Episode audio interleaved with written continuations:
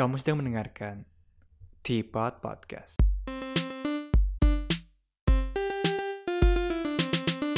Hello, welcome back to Teapot. Balik lagi bersama gue, Fernandi Sugianto. Dan hari ini gue mau ngomongin soal sesuatu yang berhubungan dengan Omnibus Law nih. Ya, sebenarnya you can say gue nggak punya kredibilitas buat ngomongin esensi dari undang-undang ini sih. Karena jujur aja, gue sempat baca-baca sedikit dan gak gitu ngerti bedanya juga sih. Karena itu gue bakal cuma highlight fenomena yang lagi rame ini dari segi miskomunikasi, peran media, dan literasi masyarakat itu sendiri. Pertama dari segi miskomunikasi. Gue selalu bingung dan mikir sih, kenapa undang-undang untuk masyarakat itu sangat sulit buat dimengerti oleh masyarakat itu sendiri. Kan jadinya kalau susah dimengerti, orang akhirnya nebak-nebak sengertinya aja. Dan dan percaya apa yang mereka mau percaya aja gitu. Mungkin sekali lagi kesalahan pemerintah itu sama kayak apa yang gue bilang di minggu lalu sih. Komunikasi ke publiknya nggak bagus. Karena itu akhirnya gampang dipintir-pelintir apa yang mereka ngomongin apa yang mereka bikin gitu. Terlepas dari bagus enggaknya yang mereka bikin. Masalah yang kedua itu datang dari peran media menurut gue sih karena kalau kita lihat berita-berita yang beredar, kan kayaknya ada satu narasi yang dipush untuk membuat persepsi Omnibus Law itu kayaknya semua jelek banget deh. Gue juga kalau baca sekilas mikirnya, ini kok problematik amat ya undang-undangnya. Masa orang kerja separah ini sih gitu, pengen menindas rakyat seperti ini gitu. Tapi sebenarnya setelah gue baca-baca lagi dan cari sumber yang lebih banyak lagi, gue jadi ngeliat uh, dari banyak sisi sih ternyata uh, kelihatannya not that bad sih ya. In a sense, gak semuanya kacau lah gitu. Tapi mungkin sekali lagi don't take my word for it buat spesifik uh, undang-undang ini. Karena sekali lagi gue bukan ahli hukum dan gue rasa bahasa undang-undang dan mekanismenya itu sulit dimengerti. Jadi bisa jadi apa yang gue baca itu salah. Dan makanya gue gak mau gue itu detail banget untuk spesifiknya undang-undang ini sih. Terus media mungkin jadi begini karena prioritas utamanya udah shifting juga kali ya. Karena dengan revenue model mereka yang ngandelin klik sama views, ya jadinya ngikutin maunya masyarakat aja, bikin berita yang sensasional. Dan kita tahu kan, kalau di dunia media itu, bad news is a good news. Berita yang buruk itu adalah berita yang baik, ya berita yang bakal rame gitu. Dan ketika media tahu kita dari awal uh, orang-orangnya juga udah pada nggak suka dengan revisi undang-undang ini, ya jadinya semakin digencarkan aja apa yang jelek-jeleknya gitu supaya rame lah gitu. I mean rada kacau sih sebenarnya, tapi ini jadi nunjukin kita seberapa kacaunya media itu sendiri. Nah, uh, satu lagi yang jadi masalah adalah orang-orang, terkadang gue juga, yang gak mau menyimak sebuah isu dengan seksama. Menyimak isu loh ya, bukan cuma menyimak berita. Karena kalau cuma menyimak berita, beritanya aja bisa salah atau misleading juga gitu.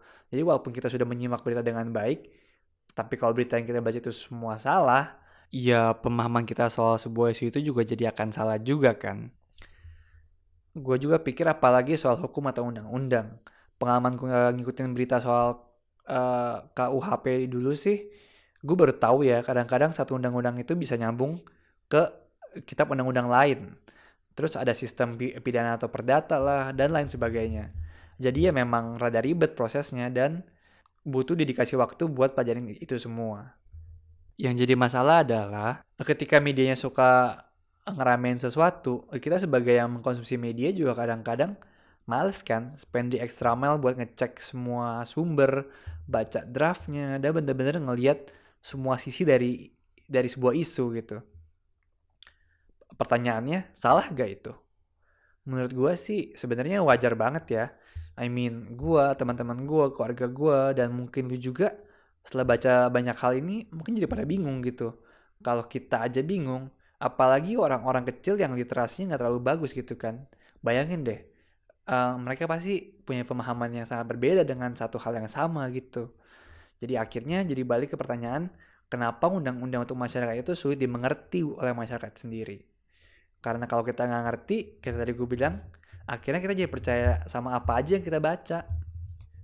Uh, di tengah-tengah kebingungan ini, berapa banyak sih sebenarnya dari kita atau mereka yang udah keluar-keluar di di sosmed uh, dan memang sudah baca semuanya gitu. Pasti sedikit kan. Banyak kan orang-orang yang keluar-keluar di sosmed itu orang-orang yang belum baca tapi apa ya ikut hype-nya aja gitu untuk meramaikan isu ini gitu. So ya yeah, uh, itu dia sih. Jadi semuanya memang problematik dari komunikasi pemerintah uh, media dan juga pola pikir kita sebagai masyarakat. Tapi kalau gue personally pendapat gue pribadi mungkin gue bakal ngeberatin lebih banyak tanggung jawab ke media sih. Terutama ke media-media kredibel.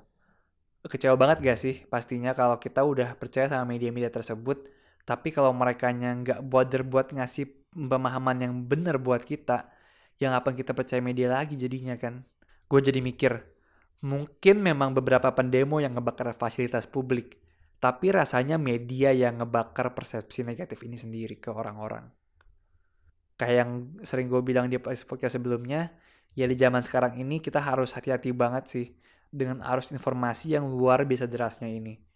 Nggak jelas sumbernya kadang-kadang. Atau mungkin terlalu mendorong narasi yang belum tentu benar juga gitu. Menurut gue, untuk sekarang, hak kita untuk mendapatkan kebenaran itu beriringan dengan kewajiban kita untuk menjadi kritis terhadap informasi yang kita dapat juga. Karena nggak bisa aja gitu kita cuma nungguin informasi masuk uh, tanpa kita pilih-pilih lagi karena tanpa kita pilih-pilih lagi. Apalagi dengan banyaknya kita gue bilang media yang aneh-aneh gini, kita pasti bakal banyak, banyak informasi yang salah gitu kan. Gue dulu juga sempat nulis sih, kita bisa cepat beropini dari sebuah fakta, tapi apa kita bisa sabar dan menggali fakta dari banyaknya opini? Karena itu yang penting menurut gue sih di masa sekarang ini di mana banyak banget orang yang beropini tapi sedikit yang mau mencari kebenarannya. Terus kalau ngomongin soal demonstrasi Omnibus Law itu sendiri, ya sebenarnya itu hal yang lazim sih di negara demokrasi. Tapi serem juga ya, lihat dan dengarnya lagi covid gini rame-rame gitu. Ada yang nggak pakai masker, nurin masker ke dagu, teriak-teriak, berkerumunan. Serem deh pokoknya. Terus lebih serem lagi juga, udah rame-rame gini kan potensi penyebaran tinggi banget. Uh, apalagi orang-orang yang habis demo ini bakal balik ke tempat kerja mereka di mana mereka bisa berpotensi nyebarin juga ke orang-orang di kantor, di pabrik, atau, atau di mana pun mereka kerja gitu. Terus gue mikir usaha kita selama ini menjaga diri bisa jadi terkompromis dong gitu ya. Tadi juga dengar di berita uh, eh, PSBB ketat dilonggarin udah jadi PSBB transisi.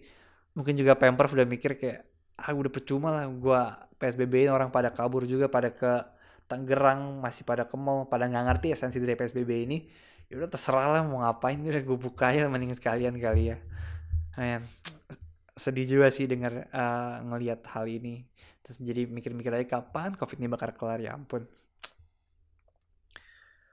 Terus gue juga sedih banget sih ngelihat uh, halte bus sama LRT yang dibakar. Kayak ini udah sering kali gue bahas tapi kayak kalau demo memperjuangkan hak publik ya seharusnya lu nggak usah merusak fasilitas publik dong. Kan itu dibangun dengan uang pajak kita juga kan. Uh, udah bagus sekarang Jakarta udah ada progresnya dengan MRT, busway, LRT. Uh, dengan lo merusak fasilitas itu kan kita bakal kekurangan uang lagi atau mungkin banyak proyek yang bisa terhambat jadi prosesnya melambat. Ya, kita pengen sama-sama negara kita ini kota ini kita ini maju lah gitu. Ya untuk de untuk demonstrasi ya boleh-boleh aja tapi ada ada beberapa, ada beberapa hal yang lo harus put in mind untuk nggak dirusak lah setidaknya gitu. Ya aku sebenarnya ngerti sih ini cuma minoritas orang-orang aneh yang uh, yang ngebakar-ngebakar gitu ya. Orang-orang juga pada bilang jangan fokus ke minoritas yang violent itulah.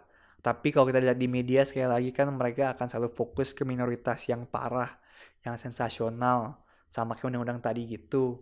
Makanya jadi uh, nyuruh orang jangan uh, jangan fokus ke yang minoritas itu akan sangat sulit karena pasti media akan fokus ke sana dan orang-orang sekarang masih fokus ke media gitu yang tadi gue bilang kita semua harus play an active part gimana caranya supaya kita bisa mempunyai pemikiran yang lebih utuh yang lebih kritis dalam melihat sebuah isu sih